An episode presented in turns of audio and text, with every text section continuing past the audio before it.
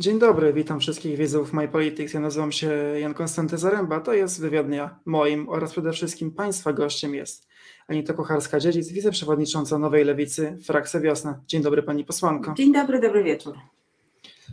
Szanowna Pani posłanko, przechodzimy w takim przypadku do pytań. Mieliśmy dzisiaj rano dantejskie sceny, można powiedzieć, na naszej granicy gigantyczna grupa migrantów próbowała, no nie, nie, nie, nie bójmy się tego słowa użyć, sforsować granicę polsko-białoruską, przedostać na terytorium Rzeczpospolitej. Co powinniśmy zrobić jako państwo polskie w związku z tym szturmem na granicę, który już został odepchnięty, ale to jest kwestia czasu, zanim on będzie znowu.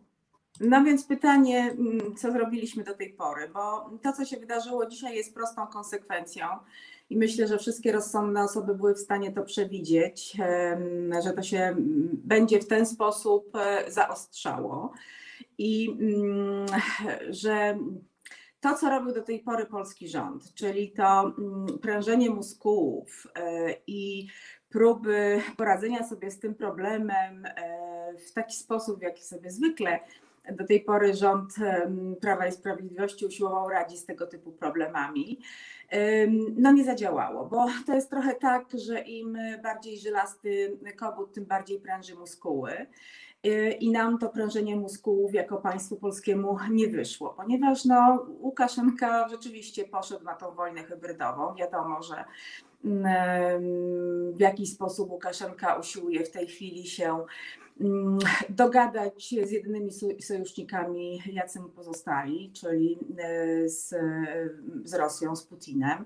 E, my nie mamy praktycznie żadnych sojuszników, bo ze wszystkimi się skłóciliśmy, więc E, Łukaszenka uznał, że Polacy będą, Polska będzie świetnym celem do tego, żeby pokazać, zrobić tą manifestację siły. No i na początku oczywiście tą, na tą naszą granicę wysyłano rodziny z dziećmi, e, a bokami wchodzili przede wszystkim ludzie, którzy nie tyle uciekali przed wojną czy prześladowaniami, ale szukali better life, po prostu lepszego życia.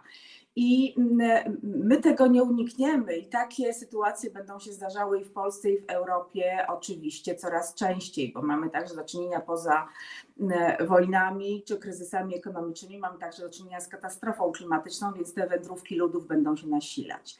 Ja przypomnę tylko, że kiedy myśmy wprowadzali jako Polska stan wyjątkowy na granicy z Białorusią, to międzynarodowe europejskie służby alarmowały, że migracja odbywa się także poprzez Ukrainę i Litwę przede wszystkim, bo 90% tych nielegalnych migrantów, których zarejestrowali Niemcy już u siebie, oni do Polski trafili przez litewską granicę, a myśmy poszli na wojnę, na wojnę z Białorusią. W pełni świadomie mm, rozpoczął to wypychanie przez polską granicę tych rodzin z dziećmi Łukaszenka, y, bo widział to kompletne nieprzygotowanie polskich służb, które oczywiście starym swoim zwyczajem zaczęły straszyć, pokazując zmontowane zdjęcia spółkujących z krowami, czy inne tego typu żałosne rzeczy, nie dopuszczając dziennikarzy na granicę, więc jedyny przekaz medialny, jaki szedł, szedł ten przekaz od Łukaszenki.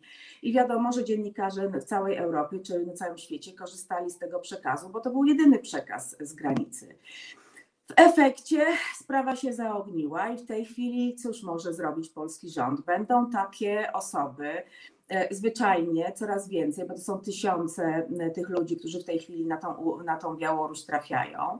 Mm, e, będą takie osoby na tej granicy po prostu przetrzymywane, bo Łukaszenka też stawia swoje mury i swoje druty kolczaste i ci ludzie w tym klinczu, pozbawieni jakiegokolwiek wsparcia humanitarnego ze strony Białorusi, bo przecież nie dostają od nich ani wody, ani jedzenia, ani jakichkolwiek środków ochrony przed zimnem czy przed przed, wilgocią, będą po prostu w rozpaczy i w desperacji szturmować polską granicę. I co zostanie polskim, e, stra, polskiej Straży Granicznej czy polskim żołnierzom? Strzelać do tych ludzi na pewno nie będą strzelali. Więc jesteśmy naprawdę w tej chwili w poważnym kryzysie, który się będzie zaogniał. I teraz mm, po tym wstępie mogę powiedzieć, co należy zrobić. Przede wszystkim dzisiaj zaapelował Klub Parlamentarny Lewicy do zwołania natychmiastowo Rady Bezpieczeństwa Narodowego, bo prezydent musi na ten temat rozmawiać nie tylko z rządem, który sobie od tych kilku miesięcy kompletnie nie radzi. E, co najwyżej zapowiada budowę jakiegoś murów w ciągu roku czy, czy, czy pół roku, e, a trzeba e, przyjąć tą pomoc, którą nam się oferuje, czyli wracamy do tego, o czym lewica i myślę też część opozycji mówiła już kilka miesięcy temu, a dzisiaj znowu z tym komunikatem wyszła do nas Komisja Europejska, czyli powiedziała: przyjmijcie od nas pomoc. My mamy doświadczenie. Granica Polski z Białorusią to jest granica Unii Europejskiej, to jest nasza wspólna e, europejska granica. Dlatego przyjmijcie od nas pomoc. Po pierwsze, Frontexu czyli e, tych służb, które mają już kilkuletnie doświadczenie z wielkimi migracjami. Po drugie, e, Europejskiej Agendy do Spraw Azylu, która pomoże nam rozpoznawać, nam Polakom, rozpoznawać tych, którzy rzeczywiście potrzebują azylu, tych, którzy uciekają przed wojną, i odseparować od tych, których, którym nie bardzo chcemy pomagać, czyli tym, którzy nielegalnie chcą przekroczyć granicę Unii Europejskiej, żeby tu zwyczajnie lepiej żyć. I trzecia służba, czyli Europol, bo my o tym mówimy w kontekście polityki, w kontekście no, tych bandyckich działań samego Łukaszenki, ale zwróćmy uwagę, że mm, handel ludźmi tak, handel ludźmi, bo tam się odbywa także handel ludźmi. E, tam się odbywają po prostu przemytnicy, mają raj e, z przewożeniem ludzi. Ci ludzie zdesperowani płacą spore pieniądze, a kryminaliści się na tym dorabiają. Więc ten Europol, który ma doświadczenie z handlem ludźmi, ja sama e, i z moją organizacją współpracowałyśmy w takiej sieci zapobiegającej handlowi kobietami, niewolnicami seksualnymi, które były przewożone właśnie przez Polskę ze wschodu czy z południowego wschodu do, do zachodniej Europy. I Europol mówi, pomożemy Wam w zapobieganiu takim czynom kryminalnym związanym, e, które są zawsze gdzieś obok wielkich migracji ludzi. I e, tym trzeba się zająć. No przede wszystkim też trzeba uruchomić nasze służby zagraniczne, bo umówmy się, ci ludzie trafiają na tą, na tą e, Białoruś nie tylko dzięki białoruskim liniom lotniczym, ale tam się odbywa naprawdę wielki transport. Sporo firm, prywatnych firm zwietrzyło wielki interes w tym przemieszczaniu ludzi i prze, przewożeniu ich na Białoruś. Więc e, ten kryzys będzie się nam coraz bardziej pogłębiał i naprawdę bez Frontexu, bez Komisji Europejskiej, która apeluje do nas, przyjmijcie pomoc, bez Europolu my sobie po prostu nie poradzimy. A Łukaszenka, jak jeżeli już w zeszłym tygodniu słyszeliśmy informacje o tym, że ktoś tam prowokuje, przeładowuje broń, czy broń kieruje w stronę polskich żołnierzy czy polskiej służby granicznej, to znaczy, że oni tylko czekają na pierwszy wystrzał, a potem poza tymi dziećmi, które są, podlegają pushbackowi, poza tymi dziećmi, które siedzą przy tych ogniskach, tymi dziećmi, które trzymają te brudne misie, bo y, od, od, Polskiej Straży Granicznej czy od polskich mm, e, organizacji pozarządowych, które tam starają się pomagać, ludzi dobrej woli, to poza tymi zaczniemy zaraz oglądać ludzi, których ktoś postrzelił. Pierwszy strzał nie pójdzie na konto Łukaszenki. Łukaszenka to pokaże, że to polscy pogranicznicy, polskie wojsko strzela do zdesperowanych, biednych ludzi. Naprawdę musimy e, tutaj współpracować, żeby takie obrazy, które wbiją się w oczodoły opinii światowej naprawdę nie wyszły e, z Białorusi i nie przyprawiły nam gęby kraju, w którym się łamie prawa człowieka, tak samo albo gorzej niż na Białorusi. To jest naprawdę złożony problem i chyba dosyć tego, e, tych e, fejkowych zdjęć e, na konferencjach ministerialnych, dosyć tego prężenia mózgów. Najwyższy czas trzeba wykorzystać to, że jesteśmy w Unii Europejskiej. Dziękuję bardzo za odpowiedź. Skoro mówimy o Unii Europejskiej, czy Unia Europejska powinna obłożyć Białoruś sankcjami gospodarczymi? Unia Europejska ma wiele naprawdę narzędzi, żeby interweniować. Ja powiedziałam o tym, żeby nie tylko Białoruś, prawda, obłożyć sankcjami ekonomicznymi czy politycznymi, ale także przecież tam posłowie lewicy, którzy są na granicy i obserwują e, to, co się dzieje, czy w pobliżu tych, tych terenów, na które nie ma wstępu, no to mają kontakt z tymi ludźmi, którzy przekraczają granicę. To ci ludzie mówią, że oni przybyli nie tylko białoruskimi liniami lotniczymi na Białoruś. Tam naprawdę wiele E, linii zwietrzyło wiele firm transportowych zwietrzyło interes wielki i wykorzystuje tych, e, ty, tą desperację tych ludzi, żeby, żeby się dostać e, do Unii Europejskiej. Więc myślę, że Komisja Europejska, Unia Europejska nie tylko w kierunku Białorusi powinna kierować swój grożący palec i sankcje gospodarcze, ale także wobec tych, którzy działają na rynku europejskim i na nim zarabiają, a teraz zwietrzyli interes, żeby zarobić na desperacji tych ludzi.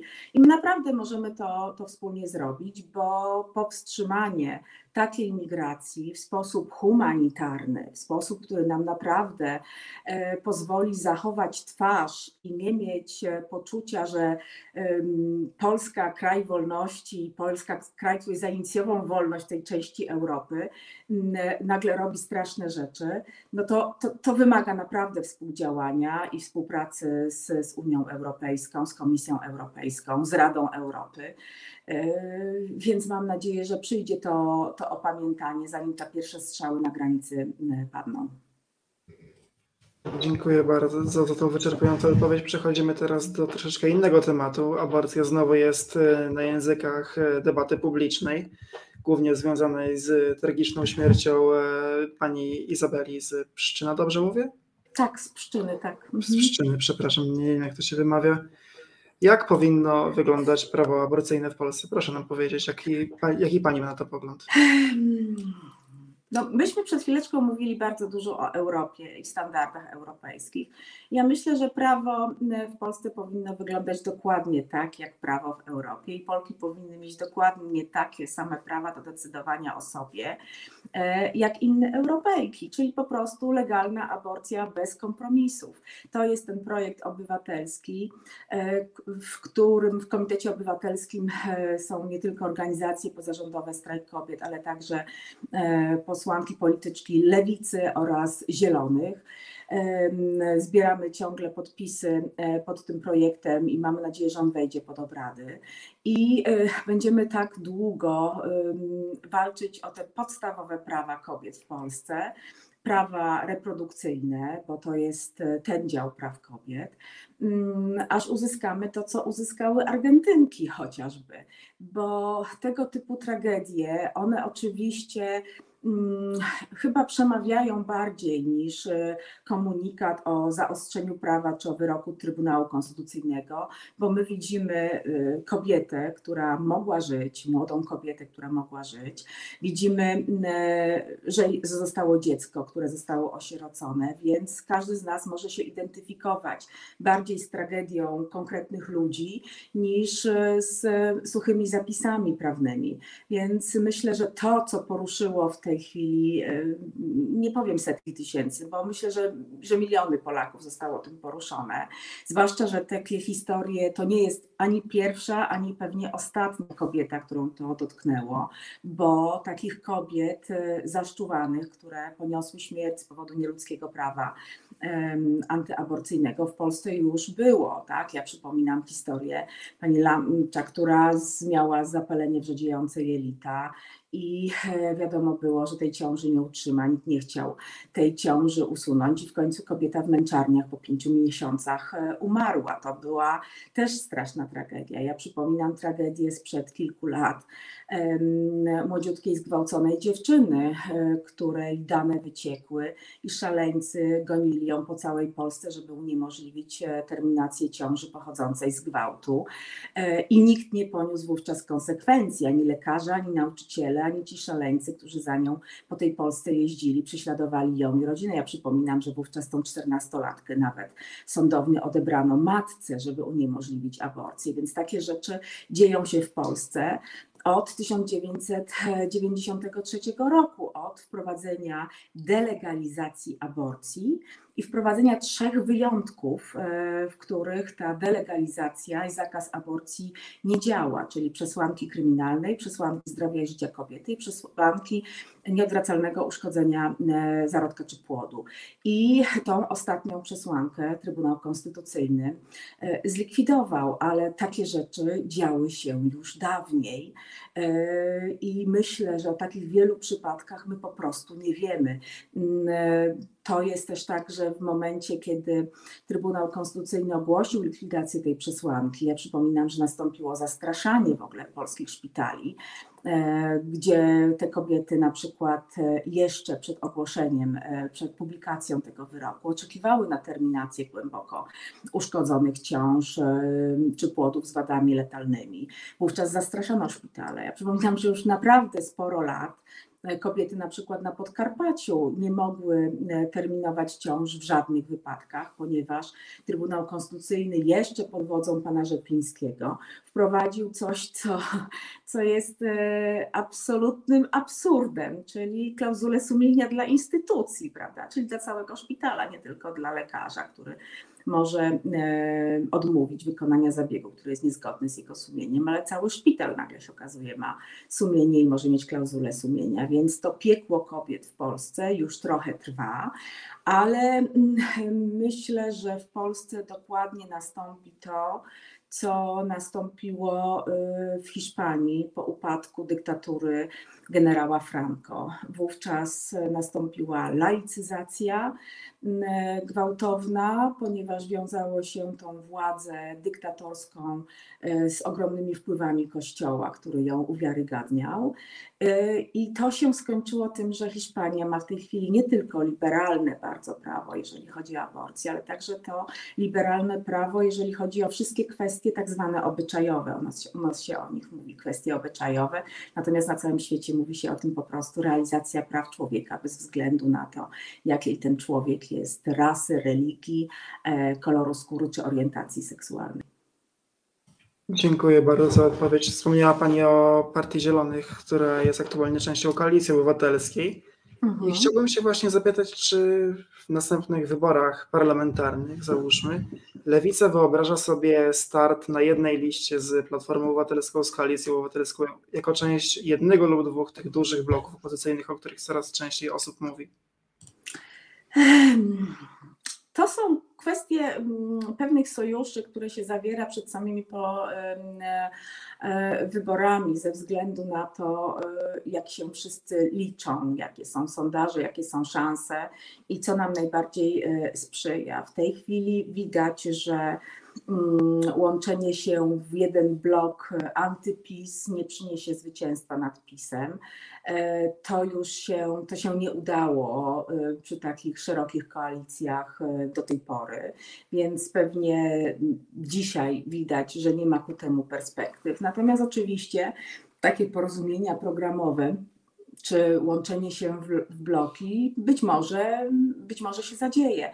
Pytanie tylko, E, czy e, jakie będą te koalicje programowe. Więc na tym kongresie zjednoczeniowym Lewicy e, Lewica powiedziała, co jest dla niej tym punktem granicznym, co jest dla niej tym dekalogiem, który jest kluczowy, żeby podpisać jakiekolwiek porozumienia przedwyborcze, partyjne, czy wejść w jakiekolwiek bloki. I między innymi jest tym to, o czym przed chwileczką rozmawialiśmy, czyli pełnia praw kobiet. Jeżeli myślę, że zieloni tutaj absolutnie podzielają nasz dekalog w przypadku e, kwestii praw kobiet, natomiast trudno powiedzieć, żeby ten dekalog podzielała Platforma Obywatelska. I mm, te, tych kilka przypadków, które ja wymieniłam, to były przypadki z czasów e, rządów Platformy Obywatelskiej i PSL-u. I e, chociaż Ja mam ciągle nadzieję, że my przestaniemy traktować prawa człowieka jako kwestię światopoglądową, bo prawa człowieka nie mają ani lewicowego, ani prawicowego kolorytu. E, prawa człowieka są po prostu prawami człowieka i to na przykład prawicowe partie we Francji zalegalizowały prawo kobiet do aborcji. E, więc myślę, że także polska prawica w pewnym momencie, przynajmniej część tej prawicy, uzna, że nie ma co robić takiego kunktatorstwa w kwestii praw człowieka i prawa mniejszości czy prawa kobiet będą dla nich także ważne. Więc jeżeli się na to zdecydują, i przekroczą ten swój Rubikon, e, wyjdą na wolność od tych przekonań, które do tej pory ich blokowały, bo e, zwróćmy uwagę, że społeczeństwo jest dużo bardziej postępowe niż reprezentujący je politycy, no to pewnie takie rozmowy będą. Natomiast rzeczywiście tym, tym co nas może połączyć, to jest chęć odsunięcia e, Prawa i Sprawiedliwości od władzy, bo te rządy e, no, nie przynoszą e, Polsce ani rozwoju, ani pewności tej rozwoju, tego rozwoju, ani szansy na rozwój, natomiast przynoszą nam długi, e, zastój e, inwestycji, kłopoty na arenie międzynarodowej, a Polakom przynoszą, jak się okazało, ogromną inflację, a za chwileczkę będziemy mieli powtórkę, bo ja przypominam, może już tak młoda osoba jak pan nie pamięta, pamięta kryzysu związanego z kredytami mieszkaniowymi wziętymi we frankach i tragedii frankowiczów, ale w tej chwili, bez względu na to, w jakiej walucie e, te kredyty były brane, czy to były kredyty w złotówkach, to e, za chwileczkę te raty kredytów w związku z podniesieniem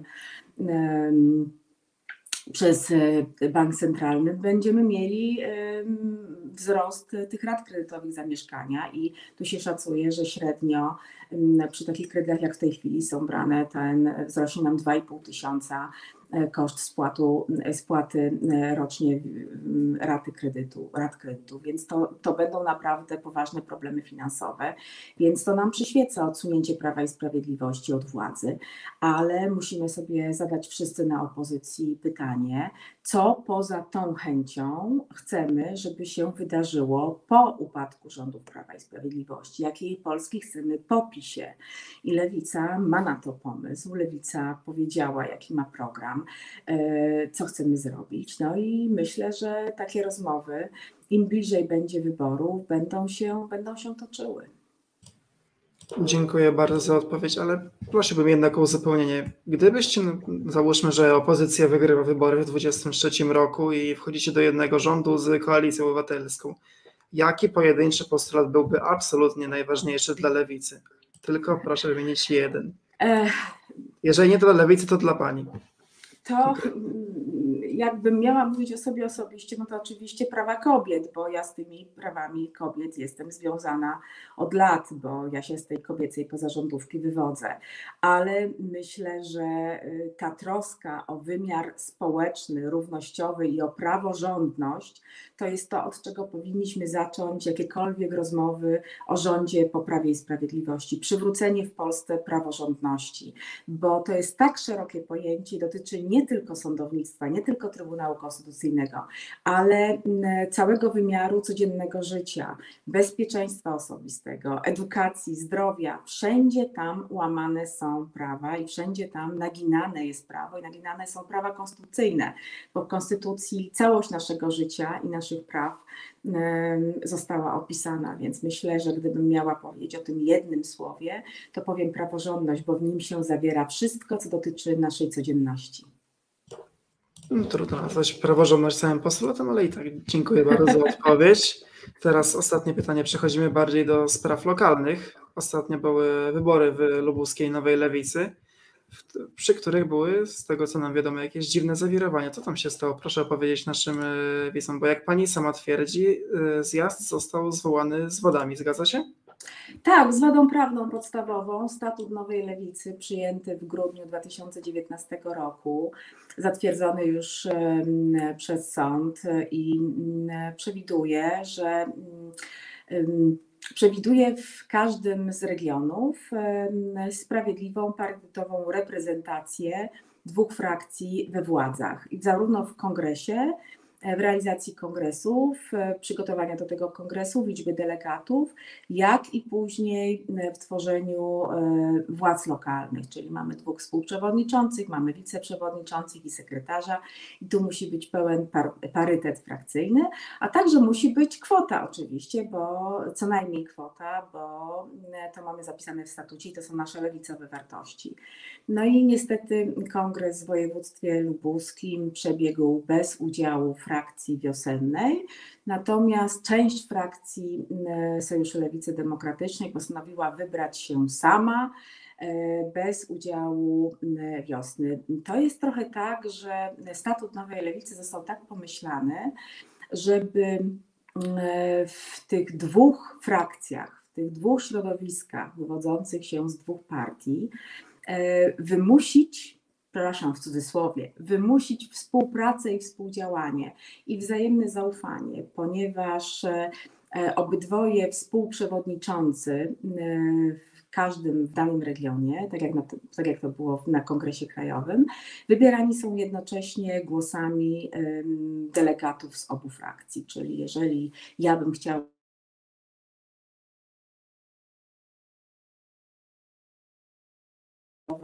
na, współprzewodniczącą, to wybieraliby mnie zarówno przedstawiciele delegaci frakcji wiosennej, jak i przedstawiciele delegaci frakcji SLD. Tutaj y, mamy do czynienia z sytuacją niestety w Lubuskiem, gdzie y, kandydat na współprzewodniczącego z frakcji SLD nie chciał konkurencji ani u siebie, ani y, nie był przekonany, czy najwidoczniej, czy delegaci frakcji wiosennej oddadzą na niego głos, więc postanowił wybrać się we własnym zaufanym gronie. I niestety to się skończyło w ten sposób, że zarówno kongres, jak i te wybory są obarczone wadą prawną, tą pierwotną wadą prawną, braku wystarczającego parytetu, braku kworum, więc te wybory są niestety do powtórzenia. Kongres jest do powtórzenia. Jest oczywiście sytuacja przykra, żenująca i myślę, że, że niestety jedyna w kraju. E, To jest niestety dla Lubuskiego, bo mm, no bo to nie jest dobre świadectwo dla struktury y,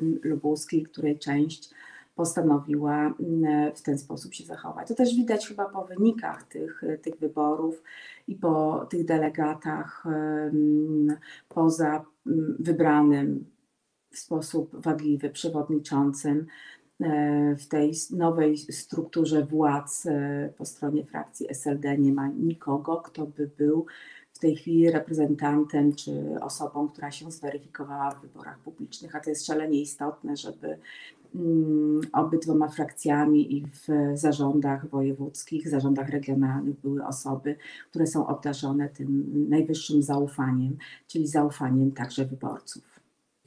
Szanowni Państwo, na lewicy znowu zawirowania, a to było ostatnie pytanie. Moim oraz Państwa gościem była Anita Kucharska-Dziedzic, posłanka na Sejm, wiceprzewodnicząca Nowej Lewicy, frakcja Wiosna. Dziękuję bardzo Pani posłanko. Dziękuję, dobranoc. Dobranoc. Szanownych widzów, zapraszam jeszcze na dzisiejszą debatę dnia. Do widzenia, do zobaczenia.